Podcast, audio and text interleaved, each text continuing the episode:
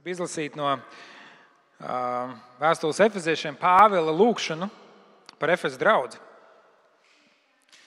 Tādēļ es loku savus ceļus tēva priekšā, no kā ik viena cilts debesīs un virs zemes iegūst savu vārdu.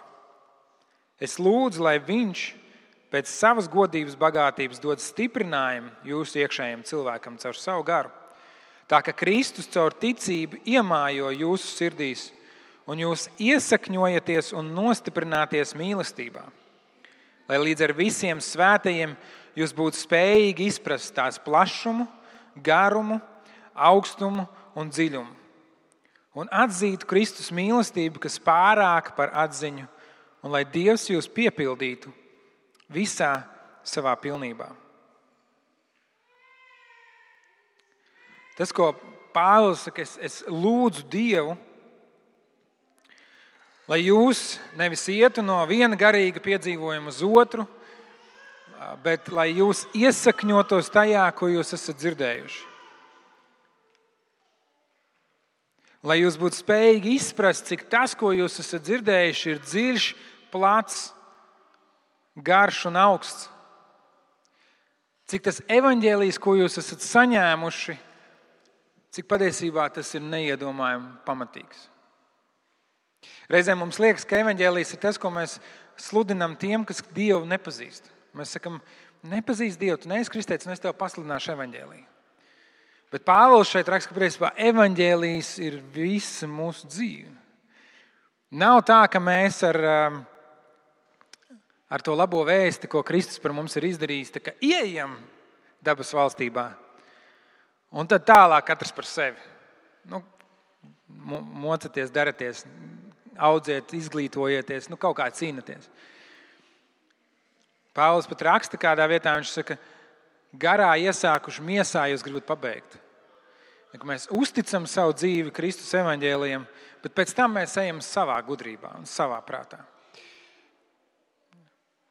Un Pāvils nelūdz Dievam kaut ko, kas būtu augstāks, kaut, kaut kas būtu pilnīgāks, kaut ko, kas būtu gudrāks vai, vai komplicētāks nekā evaņģēlijas.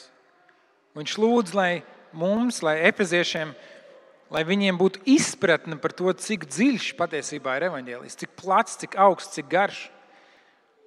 Viņš lūdz par to, lai šie kristieši, kuri ir piedzīvojuši evaņģēlijas spēku, lai to iepazītu vēl vairāk un vēl dziļāk. Viņš lūdz, lai Dieva mīlestība Kristū kļūtu par aizvien pieaugušu, dinamisku spēku viņu dzīvēm.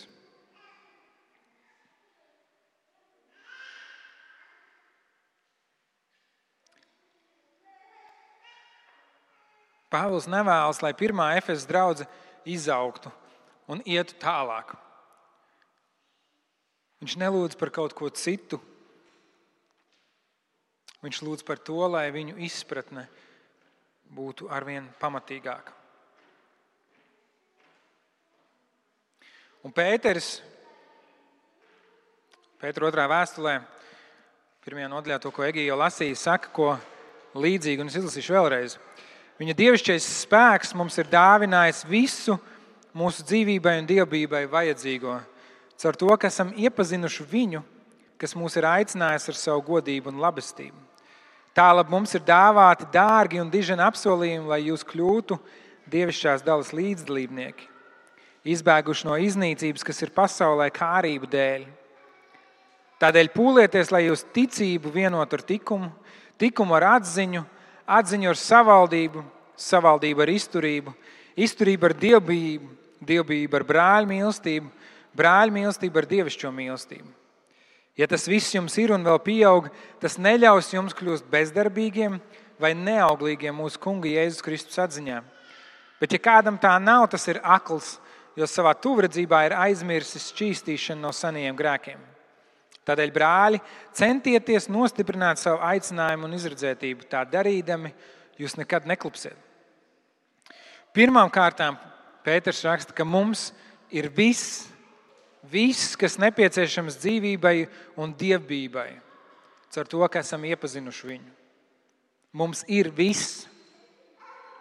Tev trūkst kādas atbildes, Jēzus tās zina. Tu nezini, vai spēsi stāties pretī kārdinājumiem. Jēzus tos uzvarēja. Tev varbūt dzīvē viss nav salikts pa plauktiņiem. Visticamāk, tev dzīvē nav viss salikts pa plauktiņiem. Bet galvenais, ka tev ir resursi, kas tev ir nepieciešams, un tā ir Jēzus klātbūtne. Tev nav viss jāzina, tev nav viss jāvar, tev nav viss jāspēj. Tas, kas tev ir nepieciešams apzināties, ka caur svēto garu, kas iemājo katrā kristietī, kurš uzņem Jēzu Kristu par savu kungu un glābēju, tev ir dots viss, kas tev nepieciešams svētai dzīvei un dievbijai. Viss, kas tev ir nepieciešams, ir Dieva klātbūtne. Un tas nozīmē, ka mēs ejam cauri šai dzīvei nevis ar apkrāvušies. Ziniet, kāds ir liekas, mums, nu, ja mums ir dots viss, tad mums ir tāda pārgājiena soma ja, vai armijas ekipējums. Tad mēs pārdomājam, vai kas mums tur ir, vai mums viss ir. Bet patiesībā nē. Mēs ejam pa šo dzīvi, mēs apzināmies visu, kas mums ir vajadzīgs, lai Jēzus mums iet līdzās. Un te, manuprāt, ir šis lūkšanas noslēpums. Varbūt jūs kādreiz esat domājuši par to, nu, kāpēc lūgt? Ja jau Dievs visu zina, kāpēc lūgt? Bet lūkšana ir visciešākais veids, kā mēs apzināmies to savu iešanu kopā ar Jēzu. Lūkšana principā ir tas, ka mēs ejam, mēs pagriežam galvu un sakām, oh, Jēzus, tu arī esi šeit. Un Jēzus ir apsolījis, ka es būšu ar jums līdz pasaules galam, līdz laiku beigām. Mateja evanģēlīja pašā beigās. Viņš saka, es būšu ar jums līdz laika beigām. Jēzus tur ir. Tas ir pirmām kārtām. Otrakārt, Pēters raksta, lai mēs pieliekam pūles. Jā, tad, lai ticība vienot ar likumu, likumu ar atziņu, atziņa ar savaldību, savaldība ar izturību, izturība ar dievbijību, dievbijība ar brāļu mīlestību, brāļu mīlestību ar dievišķo mīlestību. Un dažreiz jau liekas tā, nu, ja jau Dievs visu ir paveicis manā labā, tad visam vajadzētu nākt viegli. Nu, tad visam vienkārši tā vajadzētu, vajadzētu notikt. Ja, līdzīgi kā man reizēm ir sarunas ar pāriem, kur vēlas laulāties baznīcā. Un, un viņi domā, vai viņi vēlās, lai es viņu salauzu kā mācītājs, un viņi domā, ka caur to vien viņu laulība būs svētīta. Tikai tāpēc, ka viņi laulājās baznīcā, viņu laulība būs pasargāta no krīzēm, no šķiršanās. Mīļie, tā tas nestrādā. Te ir tā, tā sadarbība mūsu ar Dievu, kur, kur Dievs saka, pielieciet pūles. Pabarot savu ticību prasa disciplīnu, tas prasa pūles. Sargāt likumu, kad apkārt ir tik daudz un viegli pieejama netiklība visdažādākajās jomās, tas prasa pūles. Iedziļināties notikušajā, lai spētu saprast, kas īsti ir, kad apkārt ir tik daudz dažādas informācijas, tas prasa pūles iedziļināties konkrēti cilvēku dzīvē un tam, kam viņš iet cauri, nevis vienkārši atcirst pirmo, kas ienāk prātā. Tas prasa pūles. Saglabāt savaldību, ka tevi apsmēja, varbūt apmelo vai kāds tev nogriež ceļu braucot ar mašīnu. Ja, tā ir lielākā ciešana mums. Tas prasa pūles. Izturēt dažādas pārbaudījumus un ciešanas Tas prasa pūles. Sekot Kristus piemēram un paklausīt tēvu, kad apkārt ir tik daudz dažādu citu opciju. Tas prasa iekšēju spēku un tas prasa pūles. Un arī mīlēt, tas prasa pūles. Varbūt iemīlēties ir viegli. Tas neprasa daudz pūles.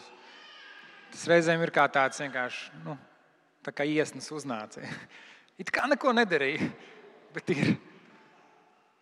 Bet tad, kad tu mīli un tu saproti, ka tu atdod sevi otram cilvēkam, tu atdod sevi dievam, tas prasa pūles. Un vieglāk ir vienkārši plūst pa straumei, bet visas šīs lietas, par ko Pēters raksta, tas prasa mums nostāties stipri uz savām kājām un varbūt pat nedaudz ieliekties. Jūs esat kādreiz bijuši tādā rītīgi straumē, lielā iekāpuši. Nu, jūs tā vienkārši stāvat uz gāžu riņķī. Jums prasa nedaudz ieliekties pret straumei, nostipr nostiprināties, ieņemt tādu stabilu pozīciju. Tas prasa pūles, iet pret straumi. Tas reāli ir fizisks treniņš. Un mums viss ir dāvāts, Jēzus mums ir līdzās, bet Pēters raksta, pielieciet visas pūles, darbojieties, lai veidotu jūsu raksturu. Visas tās lietas, ko viņš uzskaita, tās ir rakstura lietas. Tikums, savaldība, ticība, atziņa, dievbijība, mīlestība. Tās visas izriet no tā, kas mēs esam.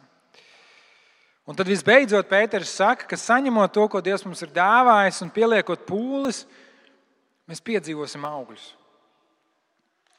Redziet, augļi nekad nerodas uzreiz. Cik daudz no jums pavasarī kaut ko kaut kur iesēja vai iestādīja? Nu, vismaz uz podziņa, uz, uz, uz balkona vai uz jumta. Ja. Nu, mēs varam, viss nerodas uzreiz. Nav tā ieliku, pagriezu galvu, uztaisīju kafiju un ja, noplūcu augli. Nu, tā nenotiek. Ja. Tas prasa darbu, tas prasa laiku, bet tas prasa vienkārši arī pacietību. Ja, un reizēm augļus, ja mēs iestādām, piemēram, kādu augļu koku, parasti saka, nu, vismaz pirmos trīs gadus augļus var negaidīt. Reizēm tas prasa vairākus gadus. Bet cik gan saldi ir tie augļi, kuru labā tu pats esi pūlējies? Labi, mēs esam Rīgas centrā. Lielākā daļa droši vien no mums augļus, odziņus un vispārējo nopērk rītī. Mēs taču esam rīznieki. Bet, ziniet, garš saldējums nedēļas beigās pēc smaga darba nedēļas arī ir augurs. Ja, un šokolāde ir, ir esot dārzenis, ne, bet ja, kakao pupiņas. Tas arī ir augurs. Un, ja mēs tieksimies pēc šīm lietām, tad dzīvosim auglīgas dzīves kas pavadīts kalpojot Dievam.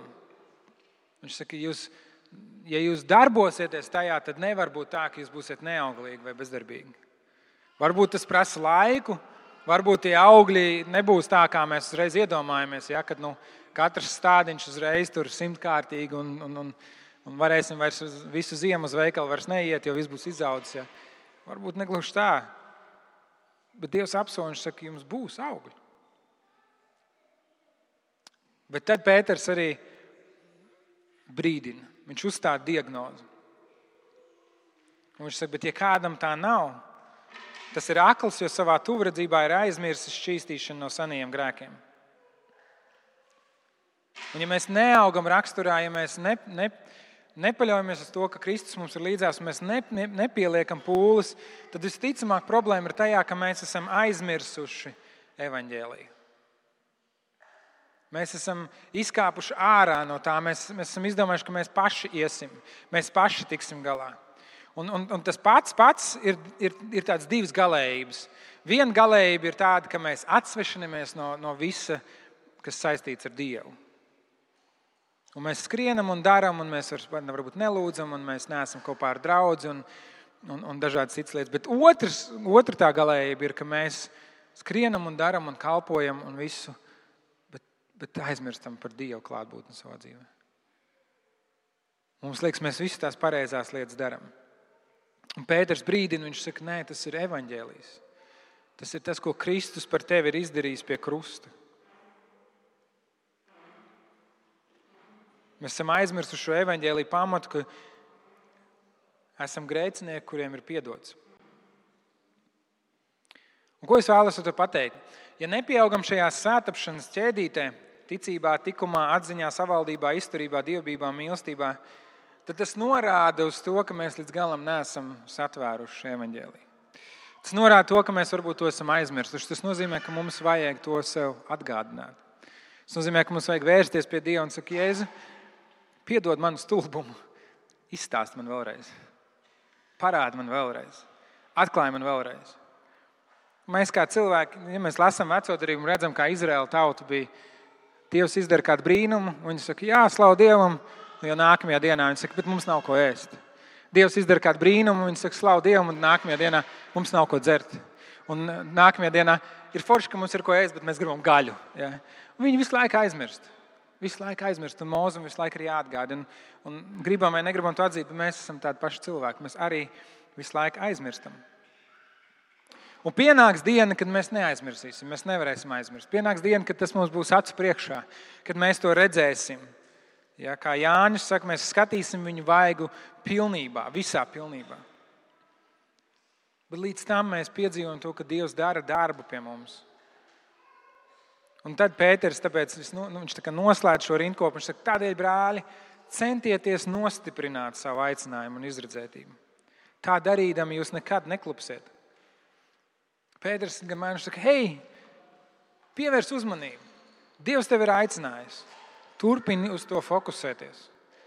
Neaizej vienā virzienā, neaizej otrā. Patur evaņģēlīju patiesību sev priekšā.